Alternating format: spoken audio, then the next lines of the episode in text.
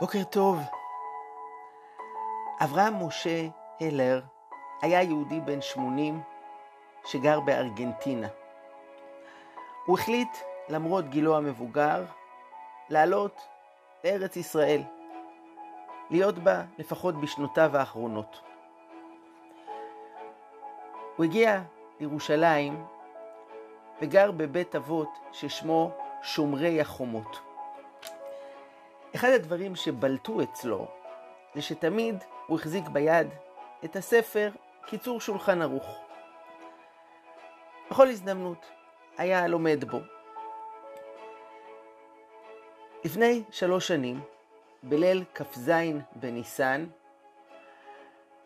היהודי הזה הלך לעולמו והוא בן 87 שנים. זה היה בתקופת שיא הקורונה, ונערכה הלוויה מצומצמת עם מעט אנשים.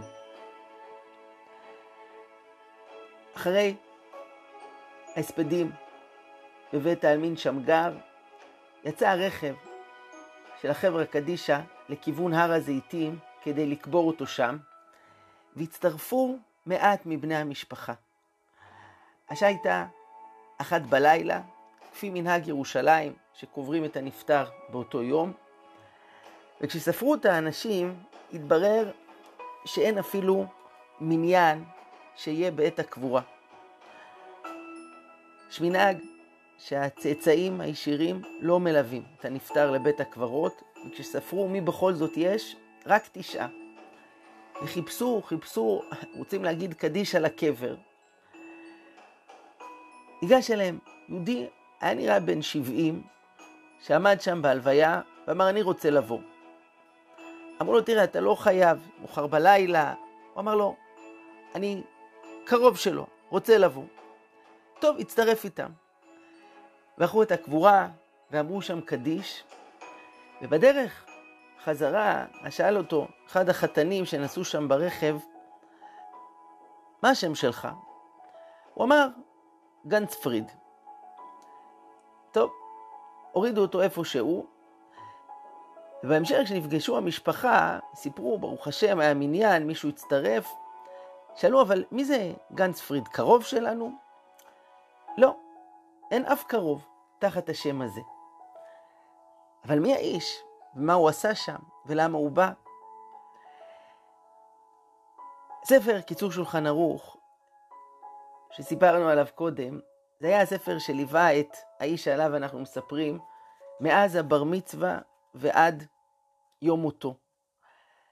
לא היה יום שהוא לא למד בו, זה היה מונח ליד מיטתו. סיפר הבן שלו, שהוא שאל אותו פעם, אבא, כמה פעמים כבר עברת על הספר הזה? הוא אמר לו בחיוך בערך 30, וזה קרה לפני 25 שנה. ביום הולדת 80 שלו, שהתאספו כל בני המשפחה, ביקשו שיגיד משהו, אז הוא אמר, תראו, אני לא יודע הרבה, קצת לקרוא תהילים, ללמוד קיצור שולחן ערוך, הוא אמר להם כמה הלכות מתוך הספר הזה.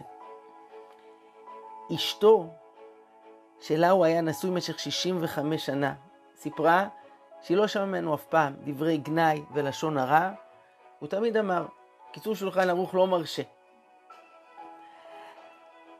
אני אספר לכם, חברים יקרים, את כל זה, כי קיצור שולחן ערוך נכתב על ידי רבי שלמה גנץ פריד. יהודי, תלמיד חכם בהונגריה, נפטר לפני כ-150 שנה, והספר שלו היה נפוץ ביותר אצל קהילות האשכנזים, לפחות עד הופעת המשנה ברורה. ומיודענו, אברהם משה הלר, שכאמור הלך לעולמו, ומופיע שם יהודי מסתורי בשם גנץ פריד, שלא ברור מיהו ומה הקשר שלו אל המשפחה. הסיפור הזה מתחבר אל היום הזה, כ"ח בתמוז, שזה יום פטירתו של רבי שלמה גנץ פריד. זכר צדיק לברכה. מה המשמעות של הסיפור? מי היה האיש? מה זכות הלימוד בקיצור שולחן ערוך? אני משאיר כבר לכם את המחשבות האלו. שיהיה בוקר טוב ובשורות טובות.